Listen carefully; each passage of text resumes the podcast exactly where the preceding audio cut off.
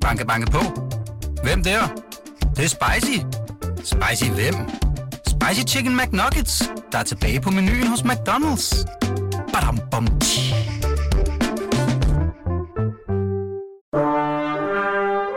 Du lytter til Radio 24 /7. Velkommen til Poesibogen med Knud Brix. Og stillheden er aldrig stille. Kroppen suser.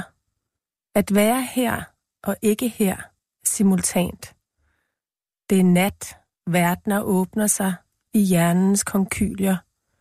Det huskede, det forestillede, det som blev og det som aldrig var. Rejse i det tyste. Overgang, fødsel, dødsseng. Velkommen til Poesibogen, Naja Maria Eit. Du Tusind læste, tak. Du læste op af, ja, Blå Spor, ja. hedder den. Ja. Men det er, den hedder vel egentlig Blå og Mørke Spor. Ja. Hvad er det for en bog? Det er en bog, som jeg har lavet i samarbejde med billedkunstneren Katrine Raben Davidsen. Ja. Og den findes egentlig i to versioner. Øh, den, der hedder Blå Spor, som er sådan en, øh, en kunstudgivelse, kan du sige, som er meget, meget fint papir og meget fint tryk. Ja. Meget fine kunsttryk. Og så øh, den, der hedder Blå og Mørke Spor, som Gyldendal har udgivet, som øh, er en kombination af en digtsamling, Katrine og jeg øh, lavede sammen med tegninger og digte for 10 år siden, og så den nye. Ja. Ja. Så på den måde en slags øh, kombination af poesi og billedkunst. Ja. Og vel på den måde måske også typisk for dig? Ja, altså, jeg har jo siden faktisk, jeg udgav en bog, der hedder Balladen om Bianca, været meget optaget af, af samarbejder, kan man sige, ja. øh, sideløbende med mit eget forfatterskab. Og Balladen om Bianca lavede jeg sammen med Kim Lykke, som er billedkunstner og grafiker, og det er sådan en stor collagebog, kan ja. man sige, fyldt med billeder og tegninger og alverdens mærkelige visuelle udtryk. Og, øhm, og så har jeg jo lavet Frit Flet sammen med Mette Mostrup og Line Knudsen, som også er en stor collage, som faktisk også Kim Lykke har været grafiker på. Ja. Øh, så har jeg lavet øh, samarbejde med Nikolaj Nørlund, øh, den, det album, der hedder Housewarming, som udkom for ikke så lang tid siden. Og i det hele taget, øh, ja, jeg har også skrevet en digtsamling sammen med Mette Mostrup, der hedder Omina, og jeg har haft en, en, jeg har en stor glæde ved de her samarbejder, ja. også på tværs af, af kunstgenre. Hvad er det, der glæder dig ved det? Jamen altså, jeg synes, at altså, det er sjovt.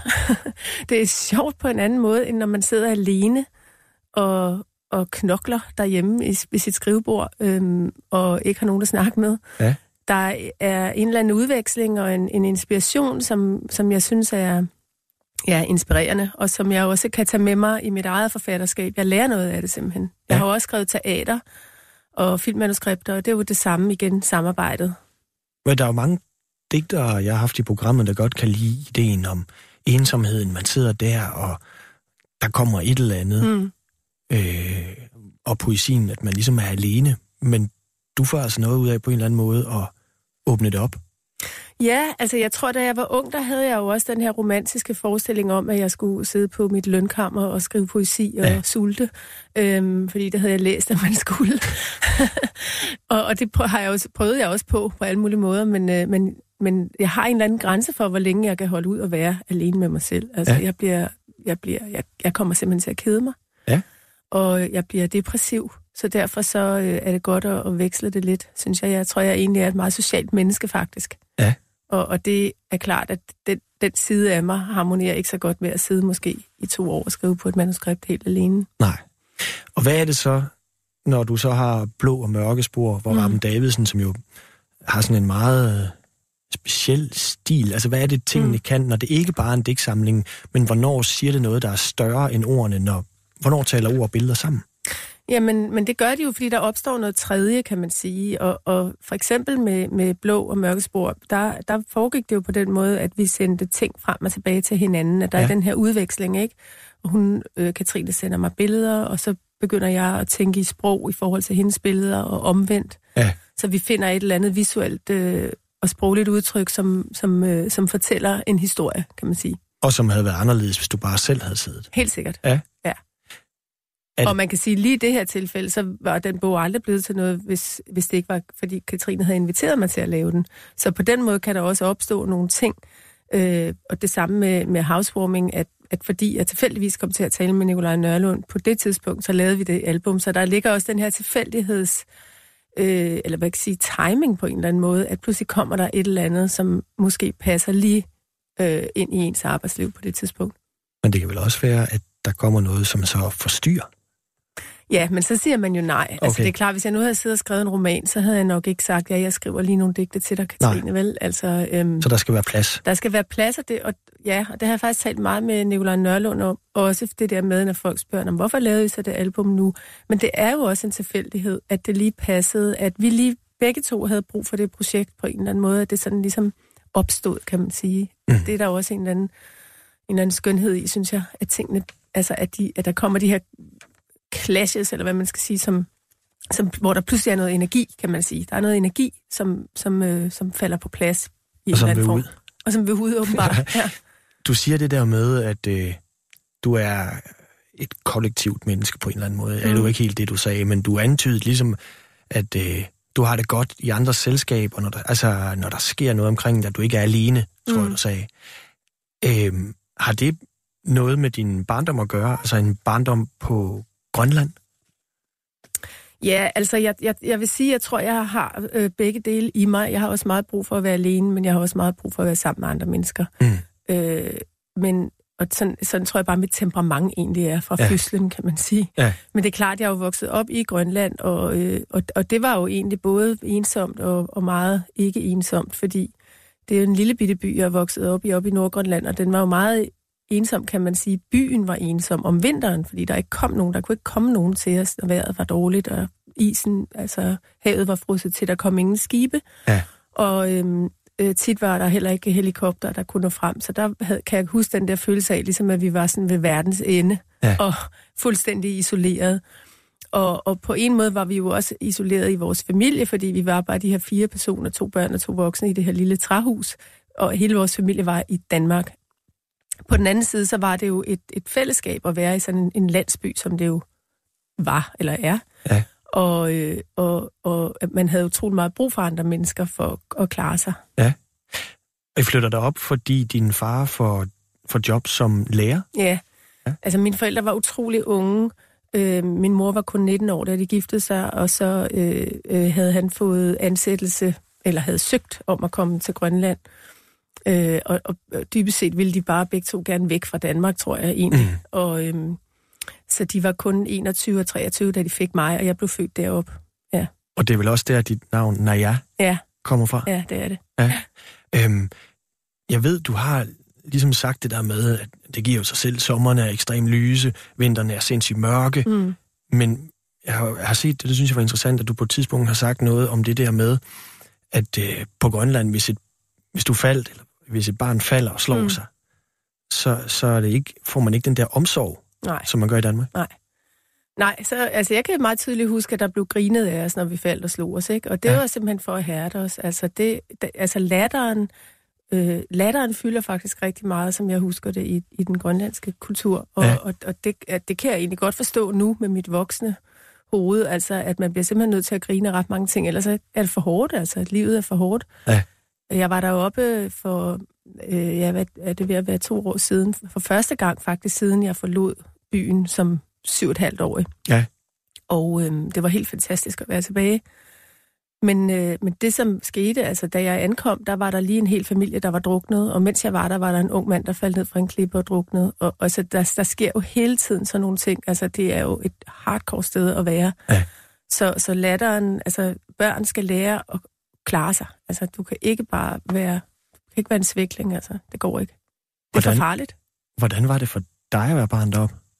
Men jeg synes, det var, en, det var dejligt. Altså, jeg, jeg kendte selvfølgelig heller ikke til andet, men, øh, men jeg elskede jo at være der, og øh, når man bor i en lille by, og det gælder jo også, når man vokser op i en landsby her i Danmark, kan jeg forestille mig, eller andre steder i verden, at det er jo meget, et meget tæt community, altså at man, det er meget trygt for et barn. Byen er overskuelig, man kender mange, øh, gader, der er ikke så mange veje, og det bliver ligesom sådan en lille, lille put verden, ikke? Jo. Hvor, hvor, så, så det var meget trygt for mig at være der. Og det der træhus, I bor i, var, mm. det, var det et træhus med litteratur? Det var det i høj grad, ja. ja. Altså begge mine forældre var store læsere og, og musikelskere, og altså begge to er meget, de er egentlig nogle meget poetiske mennesker, begge to. Øh, min mor var uddannet væverske og øh, er billedkunstner også, og min far altid skrevet digte og sådan noget, så ja, der var meget litteratur. Ja. Og man kan sige, det var der også, fordi at der var jo ikke noget fjernsyn, og øh, der, altså, der var Grønlands Radio, det var det, ikke? Og så var der ellers, at man kunne høre nogle gramofonplader. øhm, og så kunne man få læst højt, og så kunne man tegne, og det var sådan set, hvad man kunne. Ja. ja. Og jo på en eller anden måde også de spor, du selv er, er endt ud med at beskæftige dig ja. med et eller andet sted. Ja. Det, er vel så ikke tilfældigt? Jamen, det er faktisk meget sjovt, for jeg kom til at tænke på den anden dag, øh, at jeg ved ikke, hvorfor... Ja, jeg kom til at tænke på min, min, min, min ungdom, altså sådan en rigtig ungdom i begyndelsen af 20'erne, 19, 19, 21, 23 år. Der, der spillede jeg jo musik, og jeg tegnede og malede, og jeg skrev. Ja. Så det var som om, at jeg, jeg ligesom gjorde alle de der ting, og så skulle jeg finde ud af, hvad er det så, jeg vil? Hvad er det så, der passer bedst til mig? Det blev så at skrive. Ja. Og øh, inden vi kommer til, øh, hvordan du kommer til det, og hvordan det hele udformer, så kunne jeg godt tænke mig at spørge dig om det der, fordi det synes jeg også er interessant, når jeg har læst op på din historie, at du ligesom, da du vokser op deroppe, og fly, mm. I flytter hjem, da du er syv, mm. der er det ikke som, fylder det ikke så meget det der med, om man er dansk eller grønlandsk. Det er først senere, du kommer til at reflektere over det der med, at, at du jo på en eller anden måde er, er, er kan man sige, en del af kolonimagten. Mm. Ja. Prøv at fortælle om det. Ja. Altså det er klart, at når man er så lille, et lille barn, så forstod jeg jo ikke noget af, hvad jeg selv var. Altså jeg forstod bare, når min mormor bor i Danmark, og vi bor i Grønland. Ikke? Ja. Og øh, jeg, gik, jeg havde jo grønlandske venner også, og danske venner, og vi legede jo bare, og det var ligesom sådan, det var. Jeg forstod jo ikke de strukturer, kan man sige. Nej. Øh, men det forstod jeg jo så senere i livet, og det er også noget, jeg blandt andet har skrevet om i øh, Alting Blinker indekssamling. Ja. Øhm, øh, og, og og det er også en af grundene til, tror jeg, at jeg, jeg ikke rejste tilbage til Grønland, fordi at jeg følte en stor skam. Altså, jeg følte, at jeg bare øh, en eller anden form for skam over øh, øh, den, den danske kolonimagt simpelthen, ikke? Ja. Altså, der var jo dengang utrolig uretfærdighed, hvor for eksempel danske lærere tjente mere end grønlandske lærere, og havde en masse privilegier og alle sådan nogle ting, ikke? Hvordan mærkede du den der skam? Altså, jamen, det var jo, det jo, man kan sige, det var et uskyldstab, ikke? Altså pludselig at forstå, hvad er det egentlig for noget? øhm, og, men du havde jo ikke gjort og, andet end at være barn. Nej, jeg havde ikke gjort andet end at være barn, men jeg tror, altså, jeg var også meget politisk aktiv, da jeg var ung, og sådan ja. noget, så, så jeg tror bare, at det var, det var svært for mig at, at, at tage tilbage, fordi at jeg på en måde jo altid havde opfattet, at jeg kom fra Grønland, ja. men jeg havde så forstået, at jeg havde faktisk ikke ret til det land. Det var ikke mit land. Og den, den, den følelse gjorde, at jeg tænkte, at jeg vil ikke komme derop som turist. Jeg vil ikke komme derop som, som hvid, som, som en, der repræsenterer kolonimagten. Nej. Så derfor holdt jeg mig væk. Men det er da også et eller andet sted lidt vildt, at barndommens land ikke er dit land. Altså. Ja, men det synes har jeg sådan det stadig sådan? Nej, jeg synes, det er helt okay, at ja. det ikke er mit land. Altså, ja. det er der, hvor jeg har været, men det, det er ikke mit land. Men, men jeg føler en stor, dyb kærlighed til det land, det er klart. Og ja. altså, da jeg var der, for et par år siden for første gang. Altså det var, jeg begyndte simpelthen at tude, da jeg kom ind i den her lille by, fordi jeg kunne finde rundt, og jeg kunne genkende alle lydene og lugtene og følte mig, altså ligesom jeg følte virkelig, at jeg var kommet hjem. Så jo, min tilknytning til Grønland er utrolig dyb og, og, og meget sanselig. Og, og jeg tror, at den, har, den opvækst har påvirket mig utrolig meget. Jeg tror også, at den har været med til at forme mit forfatterskab. Ja. Og Altså, nu skal vi ikke svælge rundt i det, men du bliver også mere overvældet af følelser, da du kommer tilbage til det endelige. Helt vildt, ja. ja. Altså, jeg havde bare lyst til at, at øhm, ja, og bare at blive der for evigt, faktisk. Altså, okay. det er ret vildt. Ja. ja. Og Men så bare... efter en uge, så vil jeg så sige, at der bor kun øh, 3.000 mennesker, så, så fandt jeg også ud af, at den ligger, den ligger på en ø. Du kan ligesom ikke komme væk. Altså, det, så måske var så, der også noget nostalgi var... i det, eller? Nej, men det var mere, altså jeg synes, at det var ret vildt. Det var jo kroppen, der reagerede. Ja. Fordi at jeg har jo ikke været der, altså nu er jeg 55, og jeg har ikke været der, siden jeg var syv.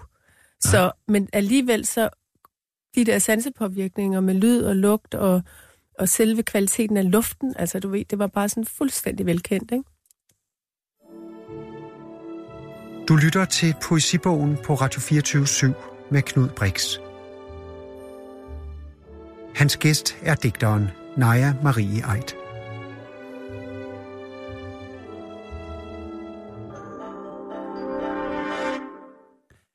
Naja, Marie Eid, øh, du fortalte om din, din barndom i, øh, i Grønland, og hvor, hvordan du vender tilbage. Øh, men jeg kunne godt tænke mig at høre, da du så som syvårig flytter til Danmark, Mm. så er det jo fordi, din, din, eller dine forældre bliver skilt, da I kommer til Danmark, ikke?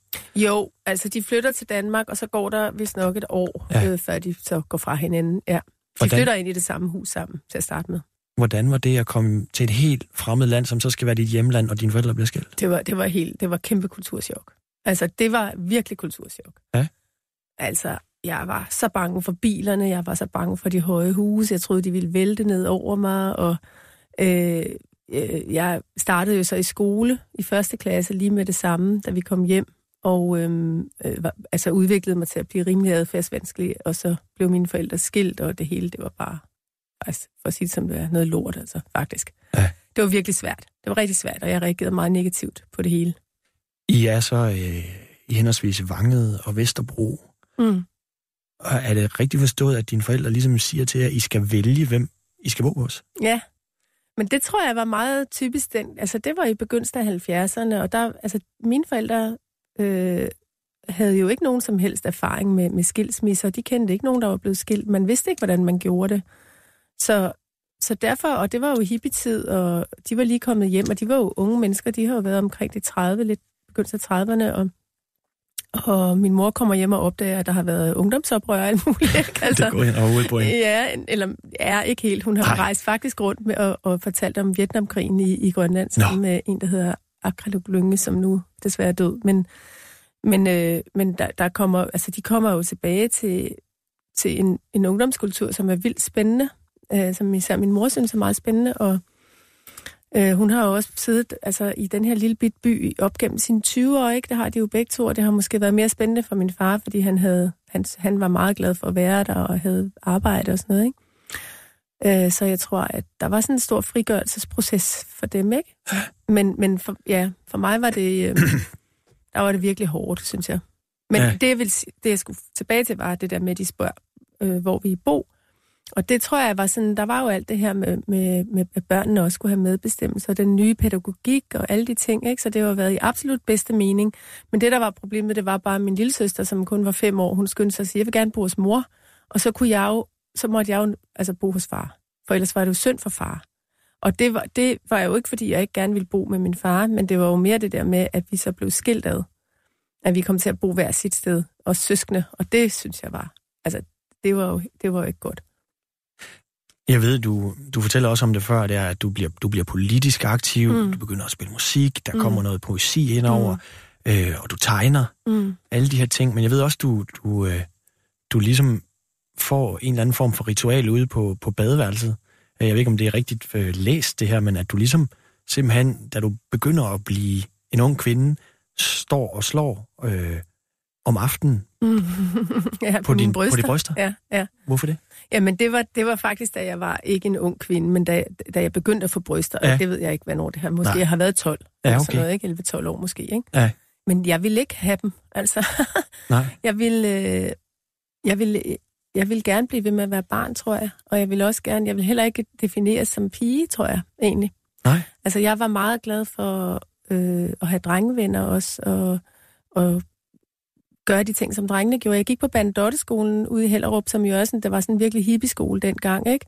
Og, og hvor, hvor der ikke var for... Altså, vi gik jo i det samme tøj alle sammen, både drenge og piger. Vi havde den samme frisyr. Der var jo ikke den kønsforskel. Altså, man gjorde noget ud af på det tidspunkt i historien, at der ikke skulle være den kønsforskel, kan man sige. Ja.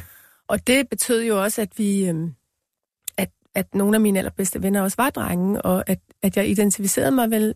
Altså, jeg ville ikke være en lille, en lille tøsepige, vel? Det Nej. ville jeg bare ikke. Jeg ville ikke have bryster. Nej. Og jeg var, jeg var rasende over det, og det var jeg også op gennem puberteten, altså at, at det der med, at, at, at, at nu begyndte nogle andre mennesker også at se på mig på en anden måde. Nu begyndte de at se på mig som, altså med et kønnet blik, altså at, at, at kigge på min krop på en anden måde. Ja. Ja. Det synes jeg var voldsomt ubehageligt.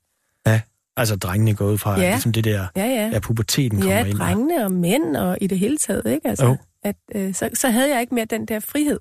For nu var jeg ligesom i, i kraft af min krop fuldstændig defineret som kvinde eller som pige, ikke? Jo. Ja. Og går vel rundt med en eller anden form for vrede også.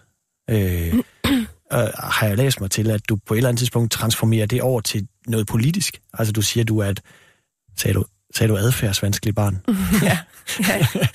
Ja. Og det transformerer du over i, du bliver medlem af, af Danmarks kommunistiske ungdom og går fra at være et vanskeligt barn til mm. at blive meget politisk ja, aktiv. det er rigtigt. Altså, jeg voksede jo op, der, da jeg så flyttede ind til min mor øh, og hendes mand og min søster, da jeg var måske 13.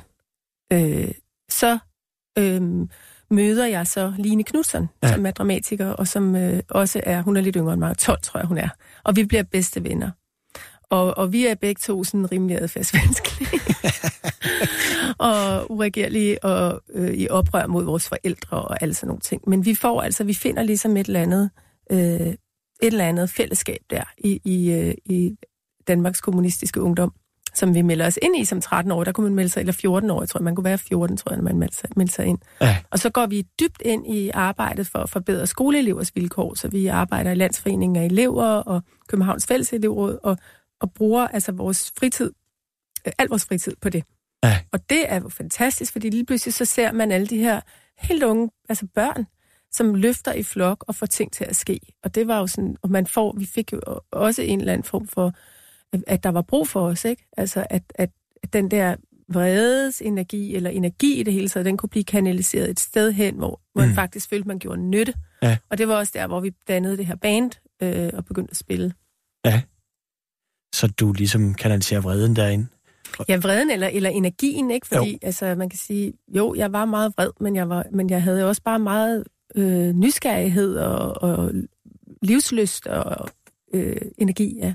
Jeg kan ikke lade være med lige at vende tilbage til det der billede af, at du står hammer på din bryst, og hvad mm. de skal gå væk, ikke? Mm-hmm. Som helt ung. Altså, du skriver jo så, hvad hedder den, Omina, hvordan udtaler du det? Ja, Omina. Omina. Ja. Senere ja. med... Øh, Mette Mostrup. Og der er jo, altså Omina er jo en eller anden form for Amazone, ikke?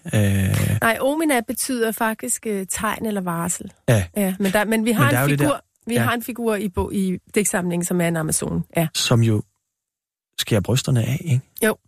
Altså er der hun. en eller anden form for forbindelse? Øh, altså jeg ved det ikke. Er altså, du... hun, hun, men hun gør det jo altså, i mytologien for, at hun kan øh, bruge sin, øh, sin bue og pil I kamp. bedre. Ja. Simpelthen, ikke? Fordi jo. de simpelthen er i vejen.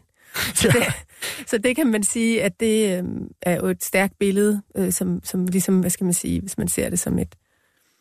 Øh, ja, hvad fortæller det billede? Det fortæller, at, øh, at, at, det, at det kvindelige køn på en eller anden måde, det, det kønnet ved den kvindelige krop er i, er i vejen, hvis man skal kæmpe. Men i vores Amazone, hun er egentlig en faldende Amazone. Altså hun er en Amazone, som er blevet træt af at kæmpe, og ja. som er ved at falde af sin hest. Det der billede får lige lov til at stå. Øh, og så kunne jeg godt tænke mig at høre dig om, at du jo... Øh, jeg kunne godt tænke mig at høre dig om, hvordan du møder poesien. Du flytter jo hjemmefra som kun 16-årig. Mm, ja. Hvordan møder du... Altså, du har haft skriften i din barndom, siger du, hos ja. dine forældre i Grønland, ja. og der var digte og ja. litteratur. Og de har læst rigtig meget højt for os, ja. ikke? og det tror jeg har betydet utrolig meget. Ja. Altså eventyrene, øh, Hvordan, hvordan begynder du selv at eksperimentere først med skrift? Mm, jamen, det, det gør jeg ved at faktisk ved at skrive sangtekster, fordi at jeg også får det her band med Line Knudsen, ikke? og ja. vi har et flyl i... Hvad hedder I? Øh, vi hedder Magenta Band. Så Magenta er jo en rød farve, ja. vi ikke glemme. det er jo et, et, øh, et socialistisk band, ikke? Ja.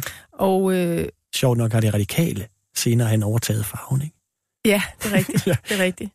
Men, øh, men, øh, men ja, Magenta og vi har hjemme, hvor jeg bor, der har øh, står min, øh, min morbrors flyl. Ja. Og det sidder, jeg, det sidder vi og spiller ved altid, altså når vi kommer hjem fra skole. Ikke? Ja. Og faktisk også, det gør vi faktisk før vi begynder øh, med DKU. Før vi begynder på det politiske arbejde. Der ja. er vi allerede gået i gang med det der sangskrivning. Altså det har vi ligesom en interesse for begge to. Så, så det der med at skrive, det er meget noget, der sker i mødet med Line. Ja. At vi ligesom, at det bliver en leg for os, at vi skriver vi skriver mærkelige historier, vi har en forening, hvor vi sender breve til hinanden, og der er kun to medlemmer af foreningen, ikke? Og øh, altså, øh, vi skriver lister over, vi laver ordsprog, vi laver altså alle mulige ting. Så den der, det, det der lejende ved at skrive, det, det bliver sådan en forløsning, tror jeg, for os begge to. Altså, det, bliver så, det er så sjovt, og det er noget, vi har sammen, ikke? Jo. Så, så det er ligesom begyndelsen, men, men i forhold til poesien, så, så er det jo det, at altså, altså Tove Ditlevsen, Helt klart. Ja. Det starter med Tove Ditlevsens Pigesind, som jeg tror, jeg får, da jeg er 11 år eller sådan noget, ikke? Ja. Og ja, og så læser jeg Frank Jæger, og altså, så begynder jeg at læse ligesom alt, hvad jeg kan få fat i i mine forældres reoler.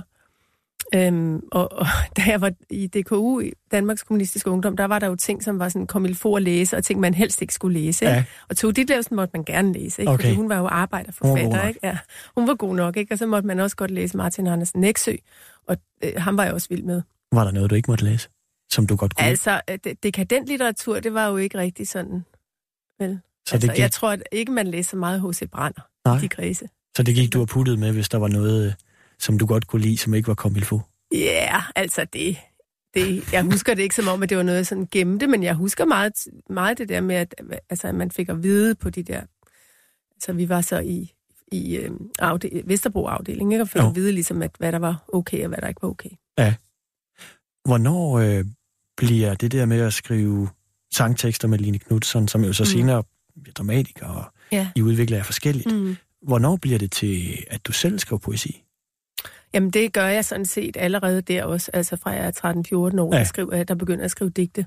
Jeg har stadig mine dagbøger, der kan jeg se, der er masser af digte, ikke? og jeg kan også se, hvordan jeg sådan bliver ved med at skrive om og om og om på det samme digt. Altså ligesom Ja. øver mig, kan man sige. Ja, skitser og Ja. jeg ved.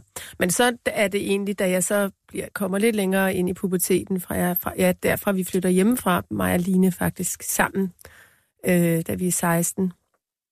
Og der, øhm, øh, der begynder jeg at skrive sådan mere seriøs poesi, mm. Mm. hvad man skal kalde det, ikke? Mm. Hvor, hvor det er meget, meget... Øh, ja, det er meget, meget ungdomligt, det jeg skriver der i 11, 12, 13 års alderen, det er klart. Men så begynder jeg sådan at arbejde mere med form og sådan nogle ting, kan jeg se på de ting, jeg Ja. har, ikke? Og du bliver jo øh, mor, Mm. som 18-årig, ja, ja. relativt ung, må Ja, man sige. ja. Øh, hvordan var det i forhold til det der med, hvordan der blev kigget på dig? Så er du ikke kvinde længere. Jo, det er du selvfølgelig, men du er jo også mor. Mm. Hvordan var det?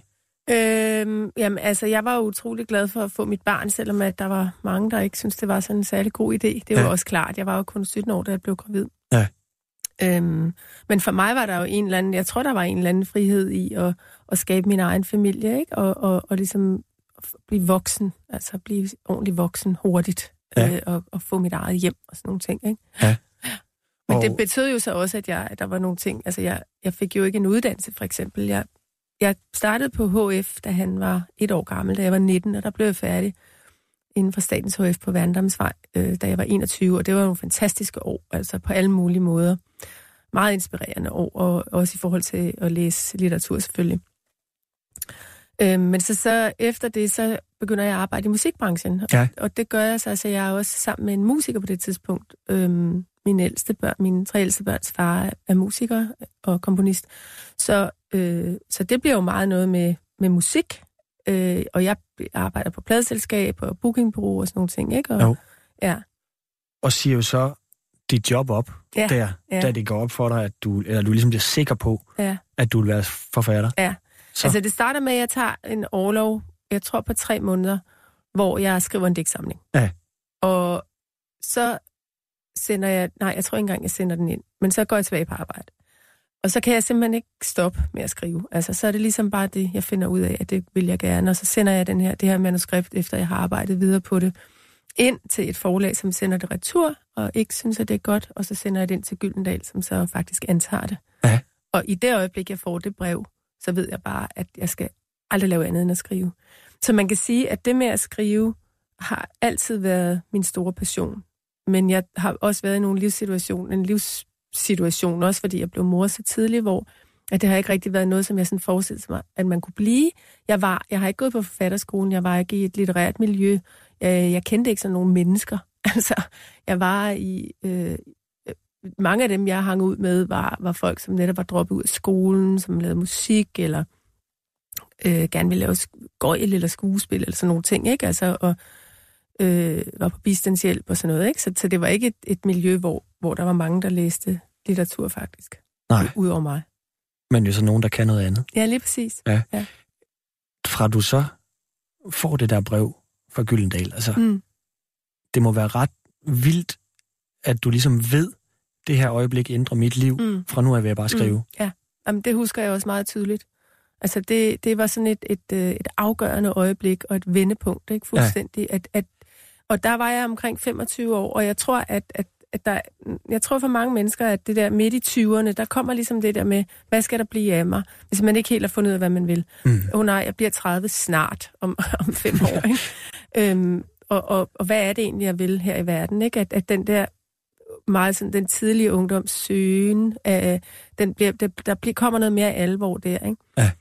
Ja. Øh, men men for mig var det også meget, og ligesom, fordi, ja, altså, at, at jeg, jeg havde så levet sammen med en musiker, som jo, som jo udlevede sit, øh, sit kreative potentiale, og det havde jeg altså også brug for at gøre. Ja. Og øh, resultatet bliver jo din debut øh, mm. så længe jeg er ung. Ja. Og den læser du op af til sidst ja. i udsendelsen. Og ja. så har vi måske også klaret det der med, fordi du forklarer jo meget fint, hvordan det bliver et afgørende øjeblik, ikke? Og så får man lov til at høre til sidst, at du læser op af, af så længe jeg er ung. Mm. Øhm, men øh, jeg kunne godt tænke mig at, øh, at, at spørge dig om det der med, at fra du så ved, en ting er, at man ved, at man vil være forfatter. Mm. Noget andet er så jo ligesom og man, man så bliver det. Ja, og når du ja. ikke har været i, ja. i dag, er der jo mange, der går på forfatterskolen, mm. og der er nogle spor, der bliver lagt ud, mm. men det må også have været lidt angstprovokerende mm. at stille sig op og sige, nu vil jeg være forfatter. Det var det da også. Det var det da også. Altså, og det kunne jeg vel også kun gøre, fordi jeg var 25, så jeg alligevel havde den der ungdomsting. Men jeg har også altid været utrolig stedig ja. Og, og ambitiøs egentlig med alt, hvad jeg har foretaget mig, synes jeg faktisk. Og, og, og, og det var bare, altså det skulle jeg, det ville jeg bare. Ja. Øhm, så, men, men man kan sige, at det var heller ikke så nemt at debutere, synes jeg ikke, fordi at, at næsten alle de andre, jeg mødte, som debuterede samme år, de havde gået på forfatterskolen, så jeg følte mig også som sådan lidt et outcast, altså lidt et udskud, ikke? Jo.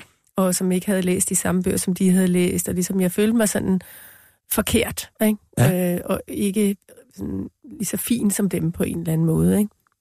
Jeg kan huske, der blev også, altså, da den blev anmeldt, der, der kom Ekstrabladet ud og ville lave et, et interview med mig. Jeg var højgravid med mit tredje barn, og de ville tage sådan nogle billeder ud i køkkenet, hvor jeg står og vasker op, ikke? Altså fordi, at nu skulle jeg ligesom sættes ind i rollen som denne her øh, kvindelige lyriker øh, med en stor børneflok som, øh, og husarbejde. Og også fordi, at jeg skrev nogle andre slags digte, end min, min jævnaldrende gjorde, ikke? Altså, at det var jo, er jo sådan meget, øh, især måske den næste bog, der hedder Et vanskeligt møde, altså som handler om hverdagslivet, og som handler om, som er sådan rimelig forankret i virkeligheden på en eller anden måde. Ja, og som kommer i 1992, mm. hvor 80'erne jo definitivt er slut. Der ja. sker en masse ting ja. i litteraturen, hvor mm. du så står en lille smule udenfor. Mm. Øhm, hvordan, altså, har det været vigtigt for dig, det der med, altså du siger, at du følte dig ikke fin nok, eller har det været, har du, men det kan vel også være definerende, at man står sit eget sted? Ja, og det, det blev det jo også hen ad vejen. Altså, det, jeg blev glad for det, fordi at man kan sige, at, mm, at jeg, ja, jeg målte mig jo heller ikke rigtig med nogen andre måske, vel? Altså, øh, øh, så, så på den måde, så var jeg sådan rimelig, altså, så blev jeg sådan stærk også af det, ja. Du lytter til Poesibogen på Radio 24 med Knud Brix. Hans gæst er digteren Naja Marie Eid.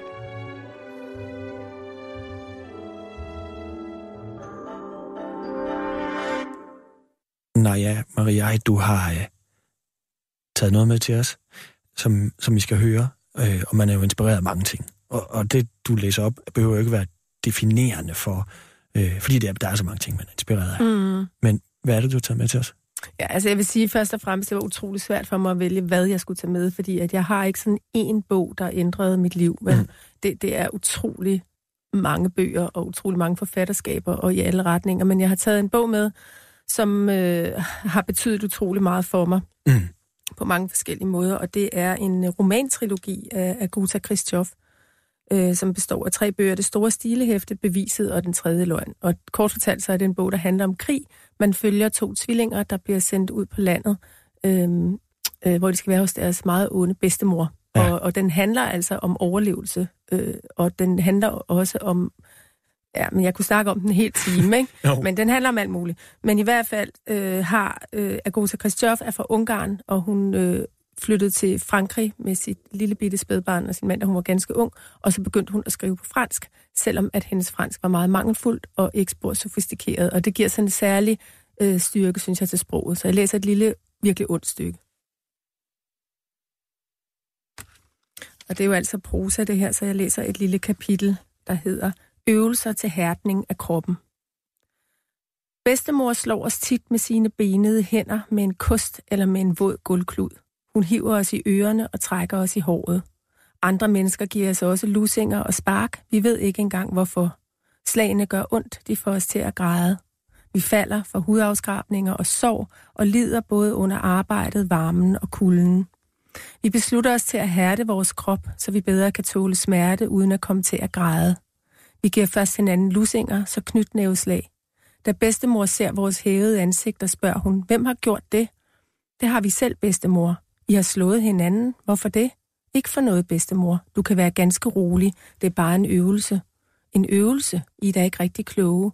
Men hvis det kan mor jer. Vi er nøgne. Vi slår hinanden med et bælte. For hvert slag siger vi, det gør ikke ondt. Vi slår hårdere, stadig hårdere.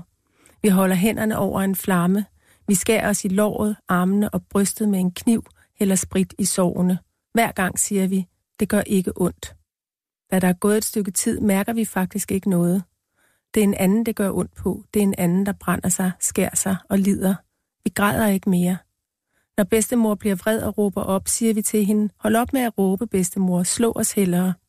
Når hun slår os, siger vi, mere bedstemor, se, vi vender den anden kind til, som der står i Bibelen.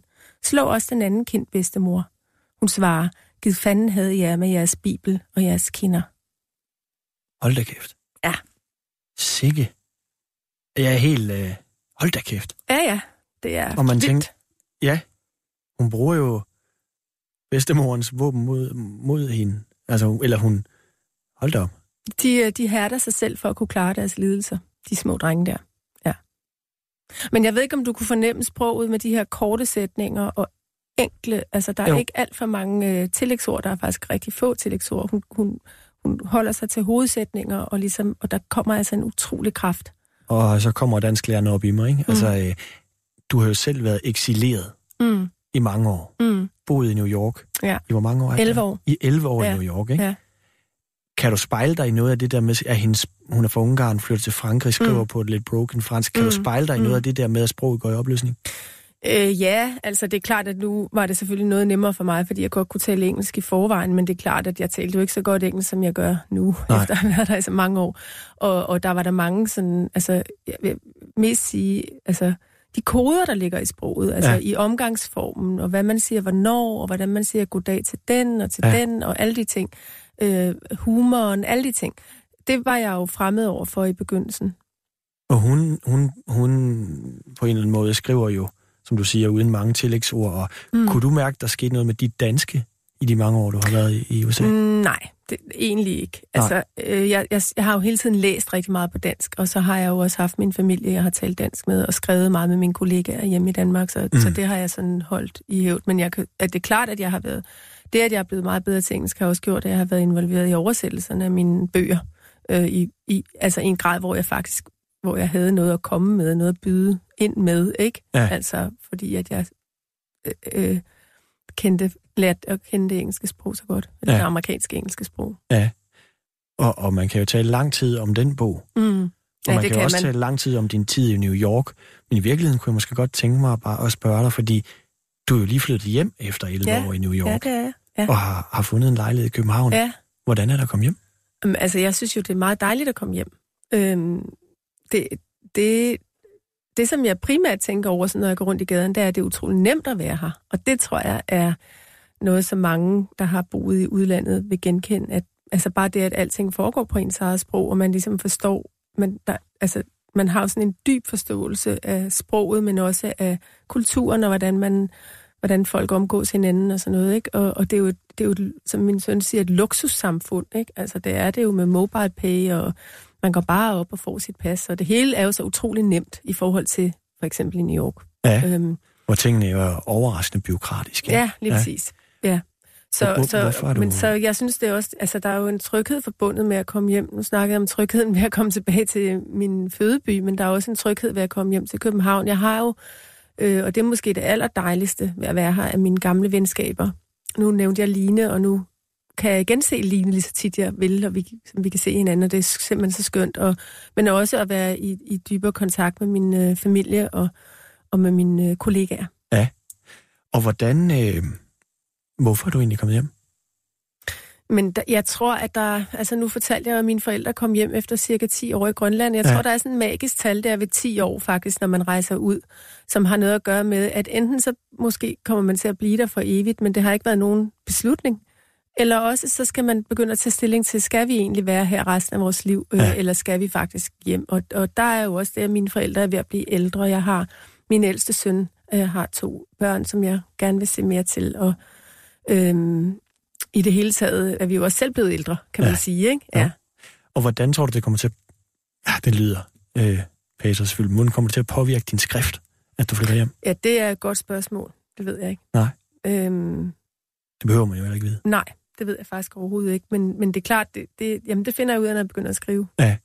Men du har jo, det er jo ikke noget at tale om, og det kan man jo igen lave et helt program om. Du har jo skrevet øh, noveller, mm. Bavian, der får mm. øh, Nordisk Råd. Du har jo skrevet, at du har skrevet mange forskellige ting.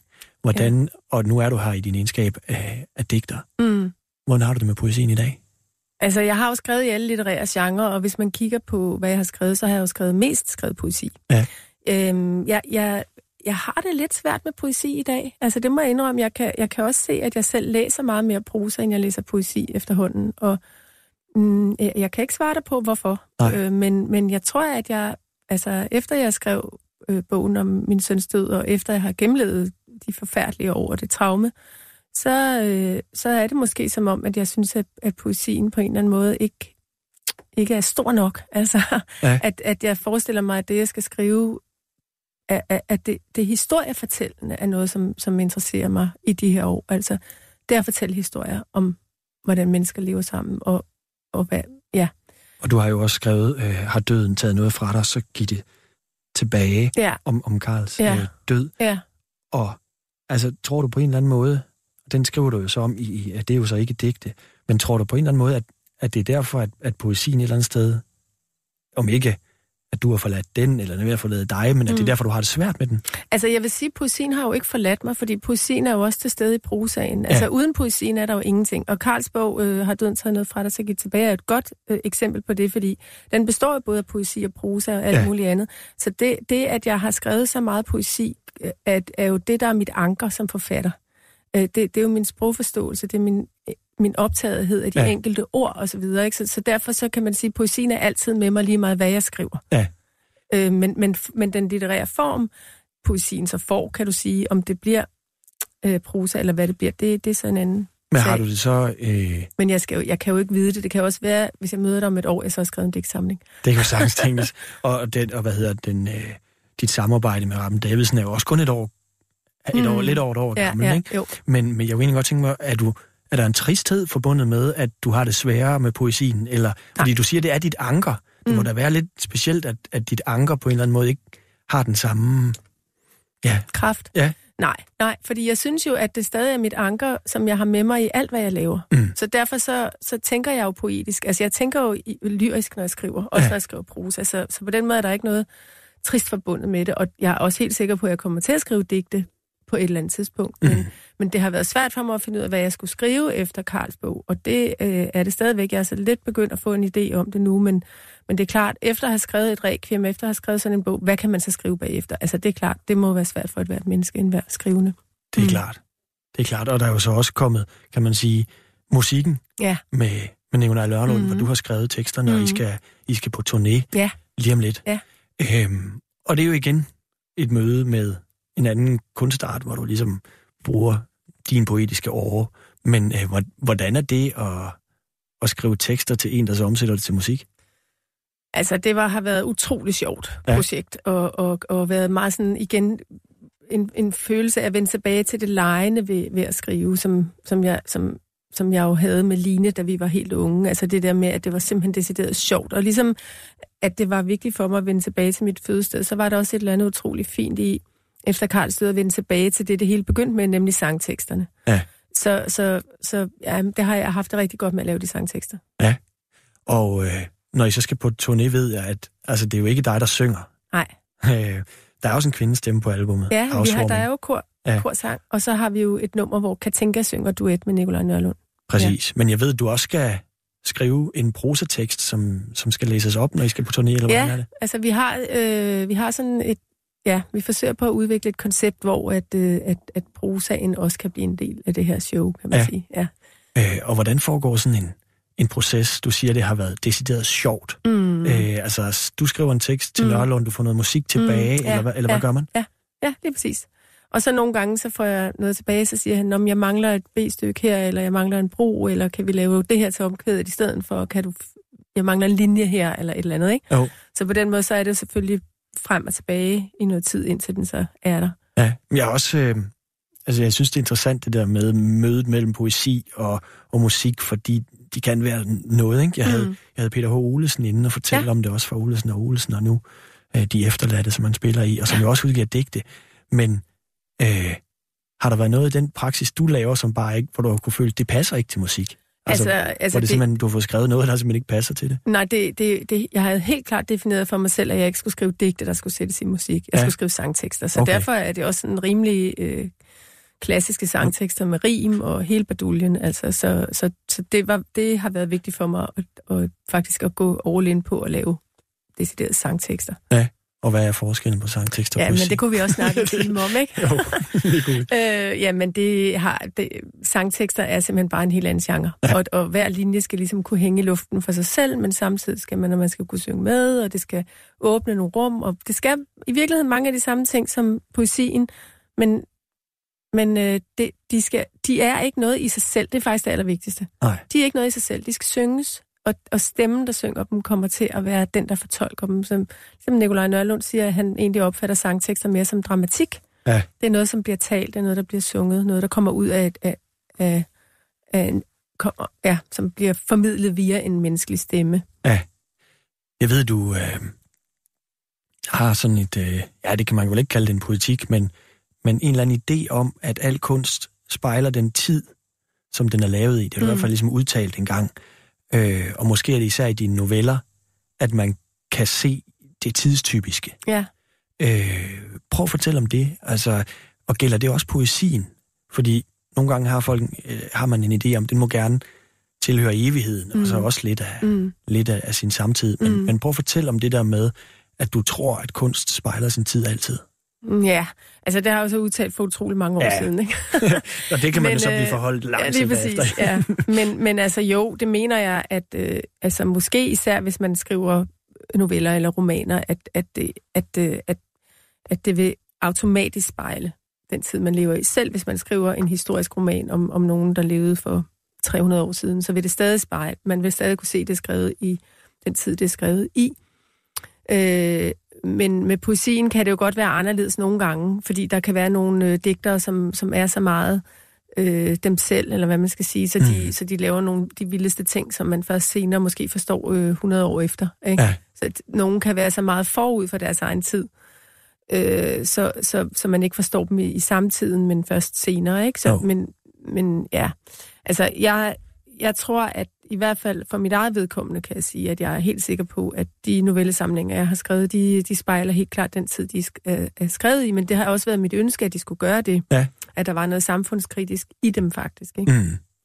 Øh, og hvis du sådan, når du kommer hjem til Danmark, Mm. er nu 2019, Ja.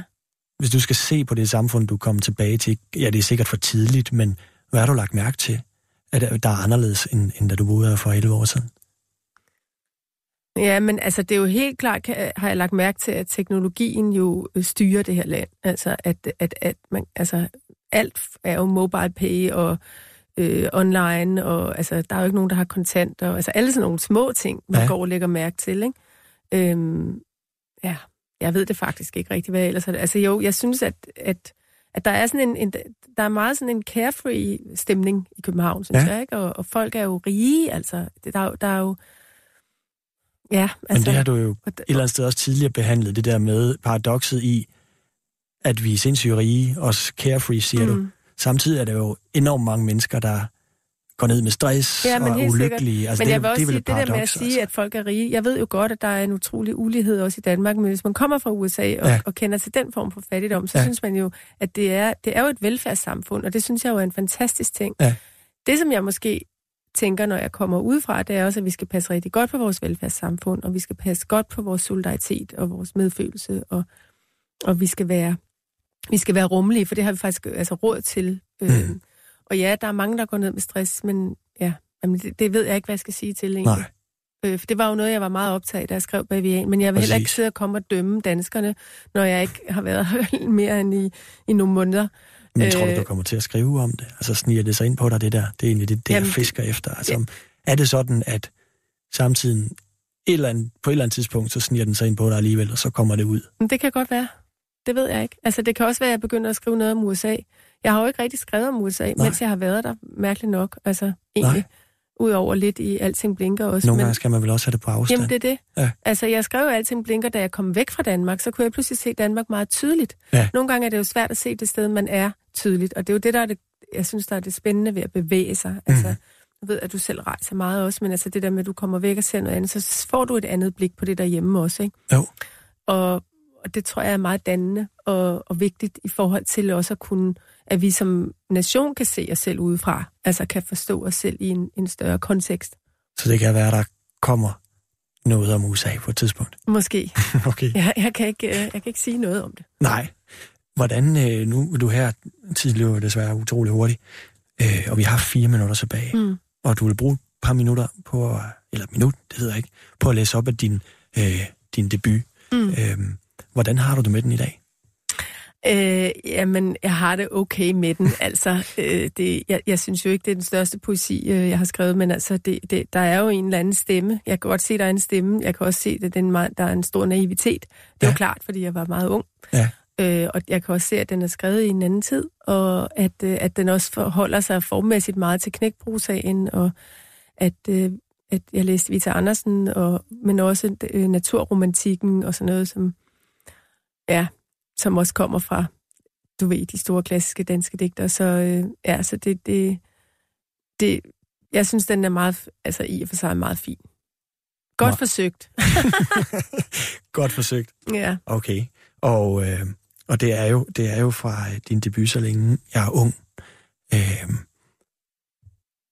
hvornår stoppede du egentlig med at være ung? Ja, det er Kunne så et godt det? spørgsmål, men det, øh, det tror jeg, ja, det, det ved jeg ikke. Men jeg ved, jeg ikke er det mere. okay. Det kan jeg mærke, jeg ikke er. Ja. Men jeg tror, det må have været sådan, at det sådan rigtig begyndte. I begyndelsen af 50'erne, der tænker jeg, nu er det slut. Jeg var 55 nu. Ja. ja. I begyndelsen af 50'erne? Nå. Ja, det, altså ung og ung. Det, livet er en rejse, ikke? Jo. Men, men øh, måske har det noget at gøre med den der følelse af, at man bare kan starte, blive ved med at starte forfra, starte forfra og gøre noget helt syvende. Og, så- altså, at på et eller andet tidspunkt begynder man at sige, okay, hvis jeg heldig, lever jeg 30 år endnu, ikke? Og øh, du vil nu læse op af, så længe jeg er ung. Ja. Hvad er det for et digt, du læser Jamen, op? jeg tænkte faktisk, at jeg ville... Øh...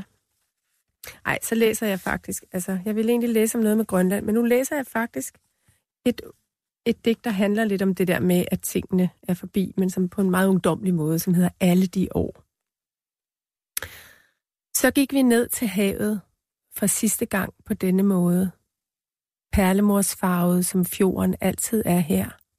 Den skræmmende klint, der gemmer på alle de år. Den gamle mand ved havet, det er min farfar i jorden. På den fugtige eng over brændingen har min farmor ligget længe. Du er min søster med løvindens hår. Nu står vi i sandet, og stadig er det sommer, som altid her. Grønalger, hvidpil, vejende marhalm. Kan du huske alle de dage? Pigerne tager toget til København, siger englen. Jeg kan ikke fælde en eneste tåre over alt, der er forbi. Så langsomt det hele ser ud. Lyden af små bitte bølger pakker vi ned i københavnske tasker. Vi kan ikke sige et eneste ord. Så langsomt vi vender os væk. Når Danmark går i seng, vågner nattevagten på Radio 24 /7. Hallo? Hej. Hvor ringer du fra? Øh, men øh, hvad jeg har lige kørt øh, fra øh, på motorvejen til mod Kolding. Hør samtaler fra et mørklagt Danmark, der ikke tåler dagens lys. Tak, det er altid, det er altid så et sikkert et rum, man får lov til at komme ind i og øh, lyde. Oh shit, jeg er næsten ved at køre galt på motorvejen her. Ej. Jeg kører galt på motorvejen her. Kører du galt nu? Ja, Nattevagten taler med alle dem, der ikke kan, vil eller må sove. jeg har lige kørt galt på motorvejen. Nej, nej, nej, nej, nej. Jo, Hvordan? Uh, jeg stødt ind i side, sidevand. Nattevagten. Okay, ja, skal jeg lige blive her, eller hvad? Jeg bliver Ja, jeg lige. tror, hvis du lige et øjeblik, ikke, så lige, lige se, om jeg kan bakke ud herfra. Ej, for satan. Hver nat, når klokken slår 12. Katastrofeblink på som det første. Ja, ja, helt sikkert. Havariring. Her på Radio 24 /7. Du lytter til Radio 24 /7.